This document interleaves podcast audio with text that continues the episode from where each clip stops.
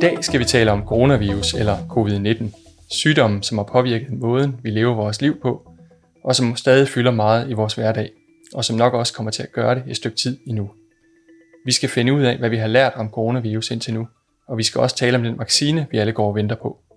Og endelig, så skal vi høre om den forskning i at finde effektive behandlinger, som foregår på blandt andet Aalborg Universitets Hospital. Til at gøre os klogere på dagens emne har jeg inviteret to af Nordjyllands skarpeste coronahjerner i studiet, nemlig dig, Henrik Nielsen, professor ved infektionsmedicinsk afdeling på Aalborg Universitets Hospital. Velkommen til. Tak skal du have. Og til dig, Jakob Rudelsen, afdelingslæge, også ved infektionsmedicinsk afdeling på Aalborg Universitets Hospital. Også velkommen til dig. Tak skal du have. Mit navn er Peter Friis Jeppesen. Jeg arbejder i Region Nordjylland, og du lytter til podcasten Sundhedstegn.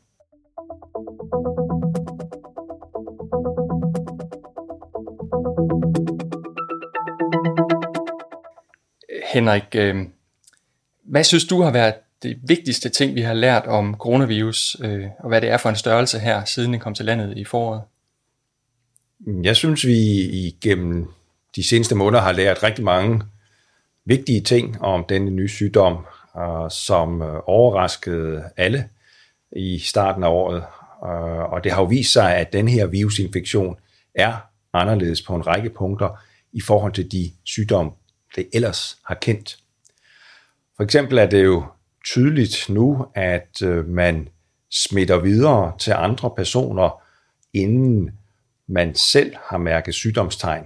Det er ret hyppigt forekommende, og det er en af de udfordringer, der virkelig gør det vanskeligt at inddæmme smittespredning.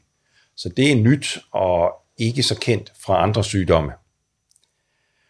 Vi kan også se i selve sygdomsforløbet, at øh, det smitter godt nok gennem host og nys og gennem luften, men øh, når først vi får infektionen, så er det ikke kun luftvejene, der bliver ramt, men øh, også andre dele af kroppen kan blive ramt af sygdommen med symptomer, og øh, det er også nyt, og det var uventet for os i foråret, at det er sådan, det viser sig. Hvordan øh, altså kan det påvirke kroppen? Det rammer i hvert fald i de sværeste tilfælde mange organer, som får symptomer, hjertet, nyrerne. Mavetarmkanalen er meget udbredt, ramt med kvalme, opkastning øh, og diarré. Og det selvom det starter i luftvejene, så spreder virus sig i kroppen og giver mange forskellige påvirkninger.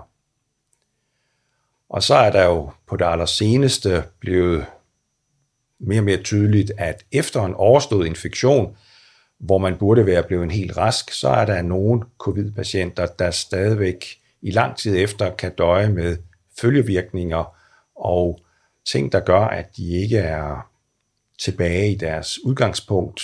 Og det er også uventet og ikke så forventet i en mild luftvejsvirus. Altså det er noget, man måske ser ved nogle infektionssygdomme, eller hvordan?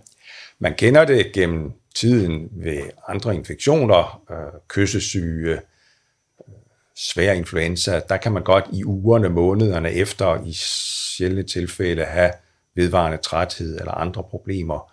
Men ved coronavirus-familien, som vi ellers kendte den indtil i år, der var det ikke noget, der var udbredt. Men det må vi forholde os til nu og prøve at lære af, hvad man kan øh, stille op i de situationer ved vi noget om, hvad det er, der afgør, om personer, som har været syge, de får de her langtidsvirkninger, eller, eller ikke får det?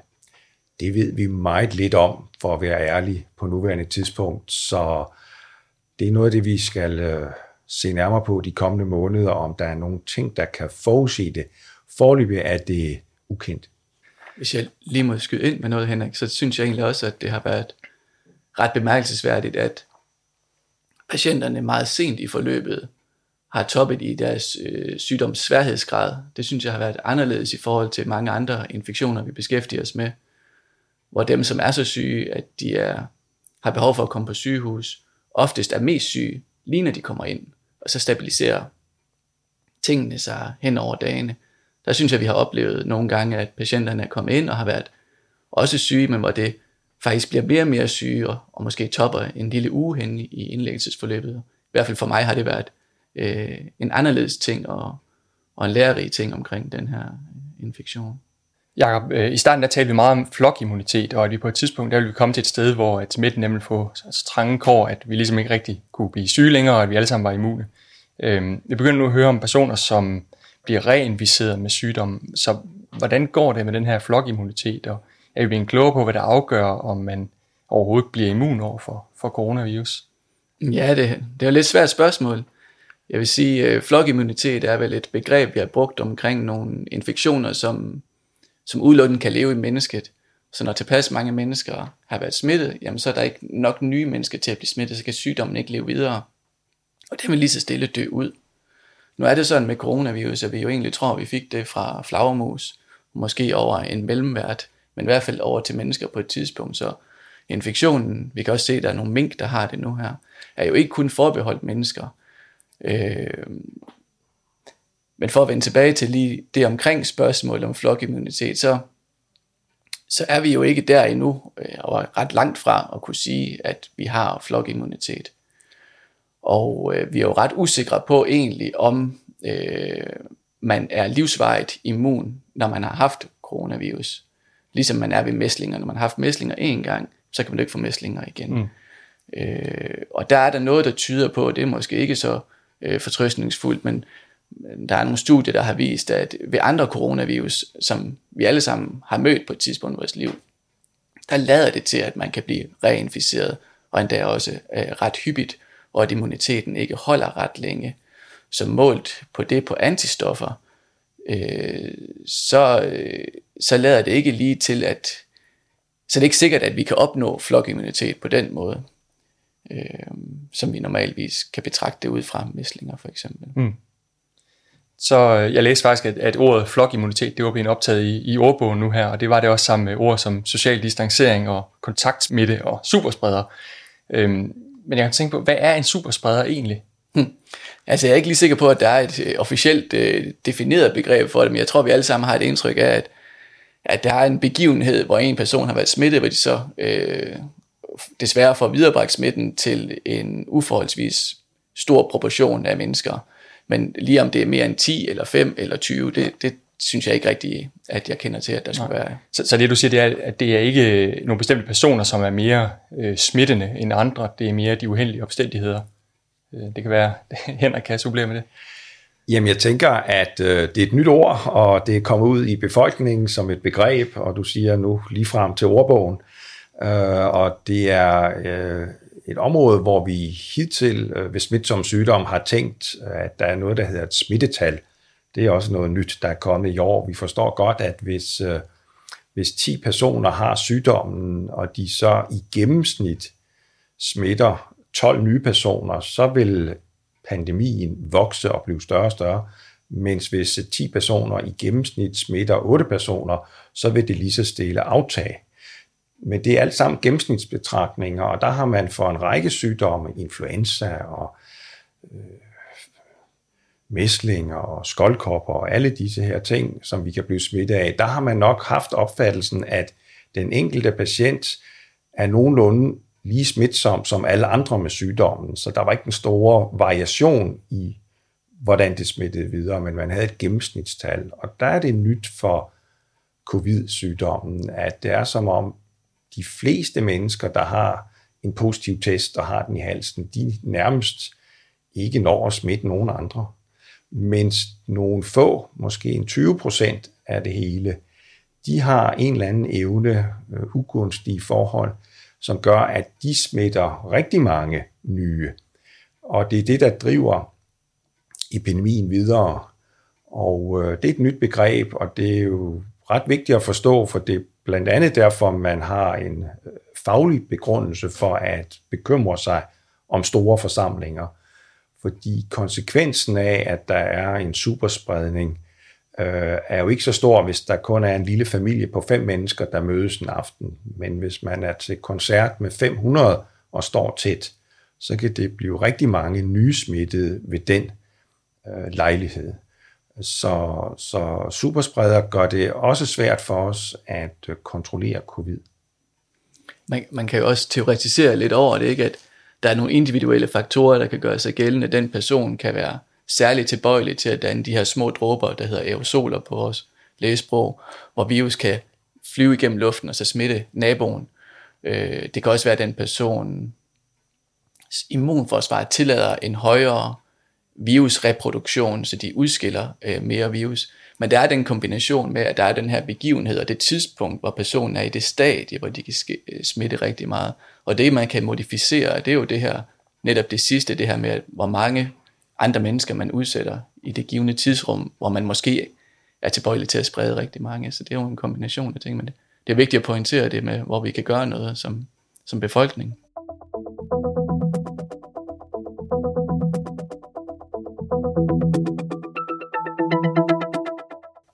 Lige nu der går vi alle sammen og venter på, at der kommer den her vaccine, som kan sørge for, at vi ikke kan blive ramt af corona, og vi måske kan vende tilbage til det liv, som vi, vi kendte øh, før. Øhm, Henrik, er det en øh, vaccine, der skal til, for at vi kan slippe helt af med coronavirus? Altså vi skal i hvert fald bruge en vaccine, hvis vi skal øh, komme ud af de restriktioner og den forandring i samfundet, der er blevet øh, vedtaget. Alternativet er selvfølgelig, at man øh, lader naturen gå sin gang, og lade sygdommen sprede sig, og lade de personer blive syge, der vil være en konsekvens af det, og så vil det stille og roligt også dø ud. Det har vi så valgt, at vi ikke ønsker af mange grunde. Så derfor er vi nødt til at opretholde restriktioner og kontrollere spredningen øh, så godt vi kan, indtil der kommer en vaccine. Så det vil være helt afgørende for at komme tilbage til noget, der kunne ligne det normale igen. Okay. Og, og, og sådan en vaccine, hvordan fungerer den sådan rent biologisk? Hvad, hvad er det, man prøver at opnå? Ja, man kan sige, at man jo indgiver til kroppen øh, enten øh, svækket virus eller dele af virus, som ikke kan give sygdom, men som alligevel har så mange intakte komponenter, at kroppens immunsystem opfatter det som fremmed mikroorganisme og begynder at reagere i immunsystemet og danne beskyttelse imod det. Det er grundprincippet i vacciner, og så er der mange forskellige teknologiske måder, hvorpå det kan udvikles, og der har covid-epidemien også givet anledning til, at der er kommet rigtig meget ny viden og ny læring i, hvordan man kan lave forskellige typer af vacciner, som jo alle sammen er i afprøvning for øjeblikket. Så du tror på, at der kommer en, en vaccine? Jeg tror på, at der kommer en vaccine. Der kommer formentlig flere vacciner i løbet af det kommende års tid. Og der, hvor vi har den store usikkerhed, det er jo, hvor godt de beskytter, altså hvor stor en procentdel af de vaccinerede vil være beskyttet, og det næste, der er lige så vigtigt, det er, hvor længe vil beskyttelsen holde? Er det noget, vi skal have én gang, eller er det noget, der skal gentages øh, med mellemrum, for at man bevarer beskyttelsen? Sådan nogle ting er der simpelthen i dag ingen, der kan svare på endnu. Og, og, kan en af udfordringerne være det her med, at man måske får en vaccine, og så viser det sig, at den er i virkeligheden ikke så effektiv på de patienter, der, der egentlig er mest sårbare, altså de ældre og dem med andre øh, sygdomme? Ja, det er så yderligere en bekymring, at øh, man tester ofte nye lægemidler og nye vacciner. Dem tester man almindeligvis i personer, der frivilligt melder sig, og som ikke fejler ret meget, som er unge og sunde og raske. Det er gerne der, man først afprøver nye ting. Og øh, det er ikke det samme som, at ældre, der har et svækket immunsystem i forvejen, vil have lige så stor glæde og beskyttelse. Så det er jo også noget, vi har til gode at lære, når først vaccinen kommer ud i øh, anvendelse. Mm. Her forleden dag, der stod der noget om, at øh, et vaccineprojekt kunne blive stoppet, fordi at øh, der var en forsøgsdeltager, som havde fået noget uventet sygdom. Øh, Jakob, er det forventet bump på vejen, eller er det, øh, er det noget, vi skal være bekymret for? Jeg synes ikke, man skal være bekymret for det. Jeg synes, det viser, at det, øh, de processer, som hører med til at udvikle lægemidler, øh, til at hjælpe befolkningen herunder vacciner, at de rent faktisk fungerer, at der er nogen, der holder øje med sikkerheden. Øh, når det er, at det skal øh, føres på en befolkning, er det jo øh, drøn vigtigt, at vi ved præcis, øh, hvordan, øh, i hvert fald efter bedste evne, hvordan vaccinen virker, og, øh, både positivt og eventuelt negativt. Så det er rigtig vigtigt, at der er nogen, der holder øje, og det er sådan en sikkerhedsforanstaltning. Det kan jo være alt fra noget, øh, måske ikke så betydningsfuldt som røde med svige, der der stukket ind, det er det nok ikke lige i det her tilfælde, til at det kan være en meget alvorlig begivenhed, men det er der ikke nogen af os, der lige ved endnu, men det bekymrer ikke lige mig personligt som sådan. Jeg tænker, at det øh, betyder bare, at sikkerhedsforanstaltningerne fungerer efter hensigten. Mm. Så det er også øh, måske en af forklaringerne på, at vi ikke har kastet os over den her øh, vaccine, der er kommet fra Rusland. Hmm. Det er altid rart, som øh, tror jeg, det, øh, som forsker, men især også som øh, lægemiddelagentur, der repræsenterer den danske befolkning, at man ved præcis, hvad det er, man giver til folk, og hvis ikke vi har informationen tilgængelig omkring, øh, hvad det er, vi har tænkt os at rulle ud og, og behandle hinanden med, øh, så vil jeg være øh, øh meget tilbageholdende med det, vil jeg nok sige. Men det er et hele taget det er jo meget spændende med hele det her vaccineprojekt, hvor alle verdens videnskabsmænd arbejder som et Manhattan-projekt om at nå først med at, at prøve at komme frem med en vaccine. Men jeg tror, som noget af det Henrik også øh, siger mellem linjerne, er, at det er ret vigtigt, at, tror jeg også, at vi får flere forskellige vacciner, der hver især formentlig vil kunne supplere hinanden. Både produktionsmæssigt helt basalt med at kunne få det ud til øh, de borgere, der nu er i verden, men også at nogle vacciner er måske bedre til en type øh, patienter, og nogle er til nogle andre. Øh, vi har også af til set, at virus, det her virus muterer faktisk ikke særlig meget, men når hele verden er sårbar, så er der alligevel så mange mennesker, at de få mutationer, der kan være lige så stille, kan begynde at gøre en forskel. Og der kan man også se, at virus har ændret sig en lille bitte smule. Men indtil videre, så lader det til, at de øh, vacciner og, og antistoffer, som, som man har brugt imod det, faktisk også kan hæmme øh, det virus, i laboratoriet i hvert fald. Så, så den korte linje er, at det, jeg tror, det er godt med, med mange vacciner. Men der skal være åbenhed omkring det, og vi skal have informationen til rådighed, sådan så øh, at, øh, at befolkningen kan føle sig trygge ved det. Henrik, for nylig der kom det frem, at, at patienter, som i dag bliver indlagt med covid-19, de er indlagt i kortere tid, end de var i foråret. Øh, og hvad er det, som I som læger kan gøre nu, som I ikke kunne dengang? Jamen det er rigtigt, at det er i hvert fald øh, fornemmelsen øh, i Danmark, øh, også i Region Nordjylland, at øh, de patienter, der er syge nu, og dem, der er indlagt på vores øh, afdelinger, de øh, er knap så syge, og de er der i kortere tid, end hvad vi oplevede i foråret.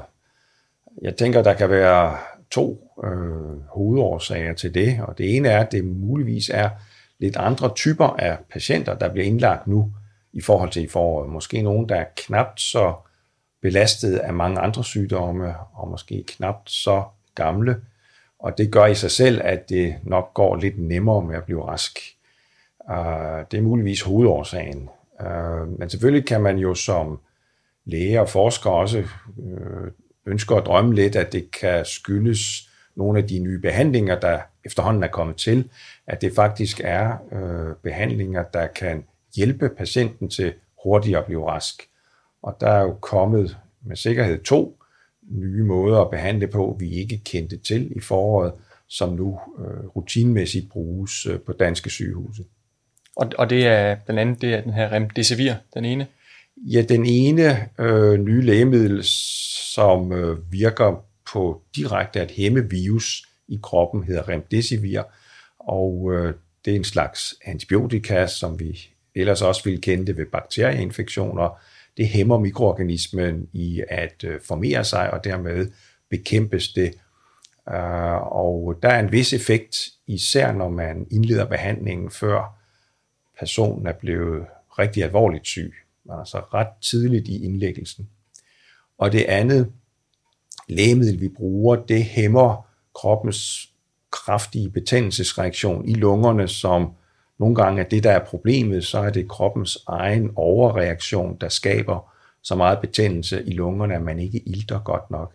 Der bruger vi øh, binyrbarkhormon til at hæmme det, og det har vist sig ret effektivt i øh, en hurtigere helbredelse. Så de to ting til sammen er noget nyt, vi bruger nu, og det gør nok også, at øh, sygdommens øh, prognoser, altså udsigten til, at det går godt, den er blevet forbedret. Det er godt at høre. Øh, Jakob, hvad betydning øh, har det egentlig, at vi får bedre og bedre behandlingsmuligheder i forhold til bekæmpelsen af, af corona, eller i forhold til livet med corona? Nej, men det er jo enormt vigtigt, fordi jeg tror, jeg lytter nok også øh, kan få indtryk af, at det her det er jo noget, vi kommer til at slås med i øh, mange år fremover. Så øh, når hele flokimmunitet-begrebet øh, er lidt usikkert med den her virus, er man immun efter man er blevet smittet. Vi ser nogle få rapporter af nogen, der bliver resmittet. Øh, så bliver det jo noget, vi kommer til at koncentrere os om i mange, mange år fremover, også øh, formentlig efter vaccine. Øh, dels er vacciner ikke altid perfekte, nogle er rigtig effektive, andre er øh, gode, men jo ikke øh, så effektive, som man kunne ønske sig. Øh, et klassisk eksempel er vel influenzavaccinen, øh, som hæmmer en del af, af infektionen, men bestemt ikke gør, at man øh, slet ikke kan få influenza. Og øh, så derfor tror jeg, at vi er nødt til at have nogle gode midler til at behandle patienterne fremover, også for der vil være nogen, der kommer ind og er syge også. Og de stoffer, vi taler om nu, er jo en fantastisk øh, landvinding og, og virkelig øh, godt. Men vi vil gerne have flere stoffer, nogen som virker endnu bedre og som kan supplere øh, øh de andre, eller i hvert fald supplere de andre, fordi der er stadigvæk plads til at forbedre prognosen øh, ved infektionen. Er det så nye lægemidler, vi snakker om, eller er det gamle lægemidler, som man finder frem af skuffen og siger, de kan også bruges til... Ja, det til kan jo bestemt være begge dele. Altså fordelen ved de gamle er jo, at dem kender man. De er markedsført, de, de, de, produktionsapparatet er sat op, øh, og de er som regel også billigere. Mm. Øh, så, så det vil jo være fantastisk, hvis nogle af de gamle siger, jeg tænker da, det er en god idé at, at både at søge i, i, ud i øh, medicinskabet ud af det, vi har, og også efterspore øh, nye stoffer til at supplere. Det tror jeg, at der bliver brug for. Så, så det vi måske kan ende ud med, det er, at vi, hvis ikke vi får en vaccine, som er 100% effektiv, så har vi, får vi i hvert fald en, en behandling, der er så effektiv, at vi ligesom kan leve med den, ligesom vi kan med alle andre øh, sygdomme, sæsoninfluenza øh, og sådan noget. Vi vil, vi vil gerne gøre det bedre, ja. man sige. Influenza er jo i almindelig befolkning en lidt banal sygdom, men hos os er det faktisk en meget alvorlig sygdom, fordi vi jo så ser den andel, den lille andel af befolkningen, som bliver rigtig, rigtig syge. Og der har vi jo så dødsfald hvert år på baggrund af influenza. Øh, ja, men i en vis grad kommer man nok til at leve med den, og, og det, det bliver nok nødvendigt med, med yderligere behandling. Det, vil, det er også det hele det videnskabelige miljø jo sigter imod at, at kunne fremskaffe.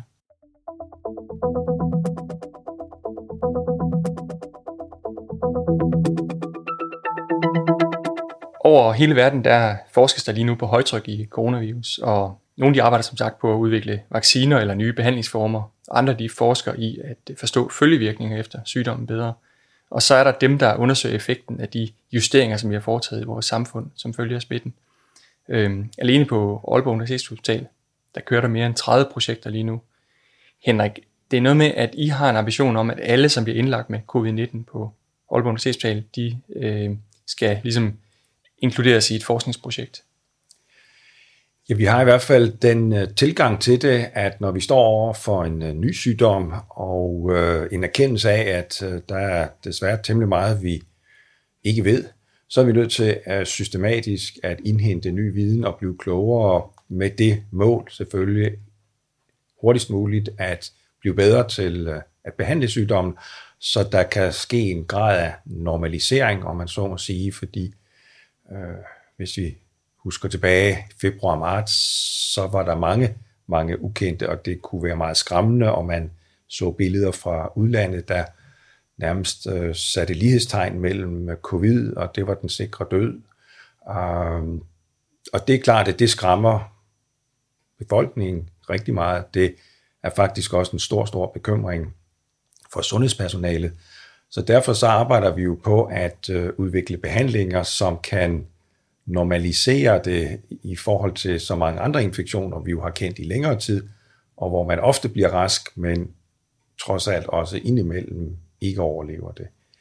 Øh, så det er den vej, vi er på vej hen af, og øh, det er en lang vej, fordi hvert eneste nye lægemiddel, man tænker kan gøre en positiv virkning, skal afprøves grundigt og langvarigt, før man har et resultat. Og der er vi så nået til de første to nu her i efteråret 2020, men der er mange andre på vej aktuelt i en afprøvning i at øh, se, om de også har en positiv øh, effekt. Og der deltager Aalborg Universitetshospital i en række af de afprøvninger af nye lægemidler efter de regler, som det nu engang øh, foreskrives, det skal gøres med. Øh, fordi så har man jo et tilbud, og ikke kun øh, kærlige ord og pleje og håbe det bedste, men at man kan for patienterne og pårørende øh, sige, at vi har noget nyt, vi tror på, vi vil gerne også have dig med til at prøve det, hvis øh, du siger ja. Så det sker i det daglige, at vi øh, prøver mange nye ting.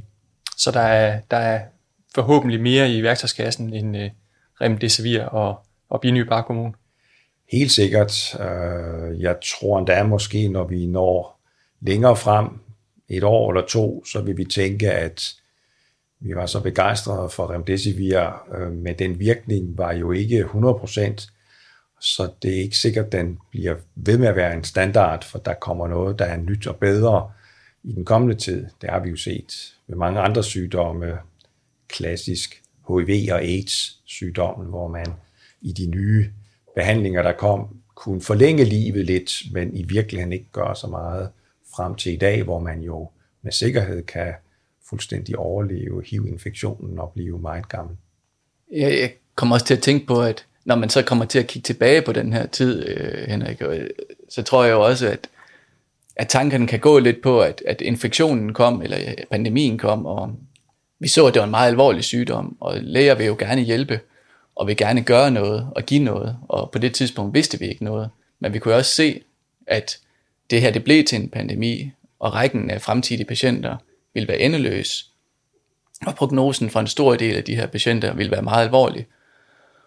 Men ret hurtigt er man jo så begyndt egentlig at lave de her forsøg, som er den eneste måde, hvorpå vi kan blive rigtig øh, klogere på det. Så det er jo enormt vigtigt med de her helte, de her patienter, som melder sig til at være øh, øh patienter, øh, fordi det er den eneste måde, vi systematisk kan vide præcis, om den medicin, vi giver, virker eller ikke virker, hvor den allerførste tid nok var præget af lidt usikkerhed hos lægerne, hvor man er tilbøjelig til at, i det, i det lægelige miljø i hele verden, og, og måske at give noget behandling, som, som vi nok var ret usikre på, om vi i virkeligheden virkede. Og der er det meget smartere med at kunne, kunne gøre en forskel for de næste, og kunne gøre det systematisk. Mm. Et af de projekter, som, som øh, du er med til at køre, det handler om de lungeskader, som opstår i forbindelse med, med coronavirus. Kan du fortælle om det? Ja, det er jo så ikke øh, behandlingsforsøg, men øh, vi vil jo gerne prøve øh, dels at forstå sygdommen bedre, og også kunne forudsige, ud af den lille andel, som er så syge, at de skal på sygehus, hvor stor, hvor mange af de mennesker bliver så rigtig alvorligt syge, at de skal have hjælp til at trække vejret på en intensiv afdeling, eller måske lige frem dør. Og der kan man jo måle med blodprøver, man kan øh, tage temperatur og blodtryk og se øh, nogenlunde, hvilken forfatning patienten er i. Men det er også interessant for os at måle måske lidt mere direkte på det organ, som er mest sygt, og det er lungerne hos de her patienter. Øh, så der undersøger vi udåndingsluften, og det er den, som du kan se en vintermorgen, når du træder ud, at så er der det her kondensvand. Og øh, det, som vi gør i det her forsøg, det er, at vi indsamler den kondensvand Øh, ved, at patienten øh, ånder ud igennem et lille rør i 2 gange 15 minutter, hvor der er sådan en metalcylinder udenomkring, der er afkølet til minus 80 grader. Og så samles kondensvandsen der det får vi indsamlet, og så sætter vi det i en, en særlig maskine, der kan undersøge proteinsammensætning i det her udåndingsluft. Og så håber vi på, at når vi så sammenligner den enkelte patient ved indlæggelsen og ved udskrivelsen, at så vi kan lære noget omkring, hvilken lungeskade er der, hvis vi kan se, at der er nogle forskelle i den proteinmængde, der kommer ud, og særligt måske hvilken type af protein, der kommer ud. Eller hvis man var en af dem, der skulle på intensiv afdeling, så ville vi indsamle det der også, så kunne man se dem, hvor det gik øh, måske mere fredeligt, og dem, hvor det gik mere alvorligt. Og så kunne sammenligne de to forløb. Øhm, men der er jo lidt langt til klinikken lige fra det forsøg, men, men jeg synes, det er et rigtig væsentligt og, og spændende forsøg, som ja, mm. nok vil kunne bidrage til at forstå sygdommen bedre, og måske til at kunne forudsige, hvem der får det alvorlige forløb. Så man måske kan sætte ind med en, en forebyggende eller en, en mere intensiv behandling til præcis, de patienter. Præcis, ja. altså, så al behandling, det har jo som regel nogle gode effekter, det er derfor det er behandling. Men af og til er der jo også en, en anden side af, af, af behandlingen, at der kan være nogle bivirkninger. Det er der jo ved al medicin, også ved panodil, som de fleste af os betragter som relativt harmløst. Øh, så det er jo altid det der med at finde den rigtige behandling til den rigtige patient, hvor man så kunne sørge for at have en lidt lavere tærskel for at, at kunne give øh, medicin til de patienter, som ser ud til at få et alvorligt forløb, fordi der er jo så mest at, at tabe. Mm. Jo, og, jo, og man kunne jo også sige, at hvis man havde en meget pålidelig analyse af den, af den luft, man udåndede, når man havde covid, som så i apparatet hurtigt kunne blive analyseret, så kan man komme tilbage til patienten samme eftermiddag og sige, nu har vi det her tal for dig. Vi kan se, at det ligger meget, meget lavt hos dig, og det siger al erfaring i forskningen, der er udført. Så det siger så, at sandsynligheden for, at du bliver meget syg, den er lille. Det ser rigtig godt ud for dig, selvom du har covid, så vi behøver heller ikke have dig på hospitalet måske. Vi behøver måske heller ikke give dig en masse medicin, fordi vi kan måle, at den form, du har, den ser meget fredelig ud. Det vil også have værdi, at man kan undgå behandling, hvis det alligevel ikke er nødvendigt. Mm.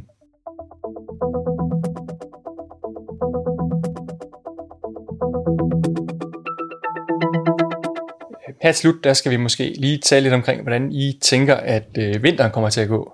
For i andre europæiske lande, der har vi jo nu set, at øh, det ser ud til at stikke lidt af med, med smitten, og der bliver indført en, nogle ret skrappe øh, restriktioner i håb om at kunne bremse den. Øh, skal vi frygte, at det samme kommer til at ske øh, her i Danmark? Det tror jeg næppe, vi vil opleve på samme øh, omfang, som man gør i øh, de fleste andre europæiske lande, fordi vi har øh, nu en erfaring for, hvordan vi kan have restriktioner i Danmark. Øh, vi kan skrue op og ned for intensiteten af det. Men det er helt givet, at vi de kommende måneder stadigvæk har coronavirus i en spredning i befolkningen, og at vi øh, indtil videre, indtil vaccinen er der, bliver nødt til at opretholde nogle begrænsninger i samfundet og i øh, smittespredningen. Så øh, vinteren igennem vil øh, blive lang og mørk og med begrænsninger, øh, formentlig op og ned, øh, som tallene udvikler sig. Og der er den øh, positive side af den, er jo, at vi danskere i virkeligheden godt hver især og til sammen kan påvirke rigtig meget igennem den måde, vi opfører os på og de valg, vi træffer. Der kan vi jo påvirke, hvor meget øh, myndigheder og samfund øh, tvinges til at øh, skrue på restriktionerne. Så som infektionsmediciner, så er der ikke noget, hvor I tænker, vi bør nok lige øh, øge niveauet for restriktioner yderligere på nuværende tidspunkt? Det er jo øh, heldigvis øh, noget, man øh, befolkningsmæssigt har valgt politikere til at tage stilling til, fordi det er en afvejning øh, af, hvad har det af omkostninger, og så er der jo myndigheder til at rådgive, på hvilke områder vil det give mest effekt øh, med restriktioner. Og der er en af mine fokusområder, det er store forsamlinger. Det er simpelthen øh, risikabelt, hvis man har store forsamlinger, og der uheldigvis sker en superspredning. Mm. Uh, fordi konsekvenserne er bare så meget større, end hvis det kun er små forsamlinger. Uh, men vi er jo også nødt til at have et samfund til at uh, fungere, og vi skal kunne gå på arbejde, og der skal være skoler og uddannelser og så videre. Det kan vi jo ikke lukke ned i det uendelige, så vi skal finde en måde at være sammen med coronavirus på, øh, uden at det løber løbsk, så vi ikke kan styre det, og så hospitalerne bliver så overbelastet, at de patienter, der får sygdommen, ikke kan blive hjulpet. Det vil jo være forfærdeligt. Hvad tænker du, Jacob? Nå, men jeg tænker også lige, at det var, nu laver vi jo en, en podcast til Region Nordjylland, og det er en lokal podcast, og så synes jeg egentlig, det er værd lige at kommentere, at, at det er lidt bemærkelsesværdigt, eller rose den ældre befolkning i Region Nordjylland, for de har jo været relativt gode til at isolere sig, tyder det på den ældre og den sårbare befolkning her på det sidste, fordi i hvert fald det, de patienter, vi har set på infektionsmedicinske afdeling generelt, jo netop har klaret sig bedre i efteråret, og ikke har været karakteriseret af så høj alder, og så meget øh, medfølgende sygdom, som gør dem sårbare. Så, så det er jo sådan set væsentligt, at man fortsætter på den måde. Øh, særligt, de, hvis vi skal alle sammen gøre vores, men særligt de grupper, af, at de fortsætter med at beskytte sig så godt, som de egentlig har gjort i hvert fald hidtil. Og det, det synes jeg har været flot at se. Mm. når tænker I, at vi, vi så er på hvad skal man sige, sikker grund i forhold til, til måske øh, vaccine og, og smitte i samfundet i det hele taget? Ja, de hænger jo sammen, de to ting, øh, fordi øh, sikkerheden i samfundet og normalisering, så langt vi nu kan håbe, det kan komme, afhænger af vaccinen. Så, så der er vi jo ikke nu, og der er vi jo heller ikke lige i den nærmeste fremtid, så øh, alt peger på, at øh, i løbet af 21, så vil der komme en eller flere vacciner. til godkendelse, og så kan vi forudse, at så begynder øh, kapløbet og slagsmålet om, hvem skal først. Øh, og det er jo igen en politisk øh, beslutning, øh, vejledt af, af myndighedernes rådgivning, for der vil givetvis i 21 ikke være vaccinedoser nok til hele befolkningen. Øh, men det vil betyde rigtig meget, at man får beskyttelse mod sygdommen hos tilpas mange til, at spredningen den bliver vanskelig. Man behøver ikke vaccinere en hel befolkning, før sygdommen forsvinder væk. Bare der er tilpas mange, der er beskyttet, så vil de uvaccinerede indirekte også være beskyttet, fordi det er sjældent at møde en, der har sygdommen. Mm. Og hvad så, når den næste pandemi så rammer? Øh, starter vi så forfra igen, eller har vi lært noget af, af covid-19, som vi kan tage med videre? Mm, ja, vi har lært øh, mange ting, så det er hele tiden øh, ny viden, der bygger på den eksisterende.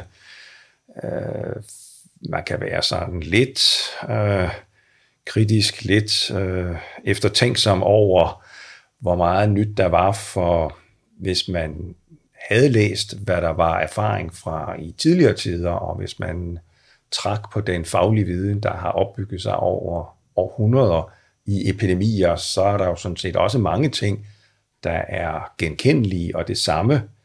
Øh, der er meget litteratur, man kan henvise til. Prøv at læse Albert Camus. Pesten beskriver jo fuldstændig et samfund, øh, som vi kunne kopiere i covid i Danmark i 2020. Øh, så meget af det, der virker med afstand, hygiejne, selvisolation, det er jo ikke nyt. Det er jo noget, menneskeheden og fagkundskaben har kendt i århundreder, når der har været epidemier. Og det virker jo, og det gør det også nu, og ved den næste epidemi, som helt sikkert vil komme på et tidspunkt. Lad os håbe, der går, går lang tid, inden det sker. Der er altså grund til at være optimistisk omkring coronavirus. I hvert fald er der tegn på, at vi hele tiden får bedre og bedre behandlingsmuligheder i værktøjskassen til dem, der bliver syge. Og jeg hører love, at der er en vaccine på vej. Det glæder vi os til. I skal i hvert fald have tusind tak, fordi I kom og gjorde os klogere på coronavirus, Henrik Nielsen og Jakob Bodilsen fra Aalborg Universitetshospital. Også tak til jer, der lyttede med. Det var Sundhedstegn for i dag.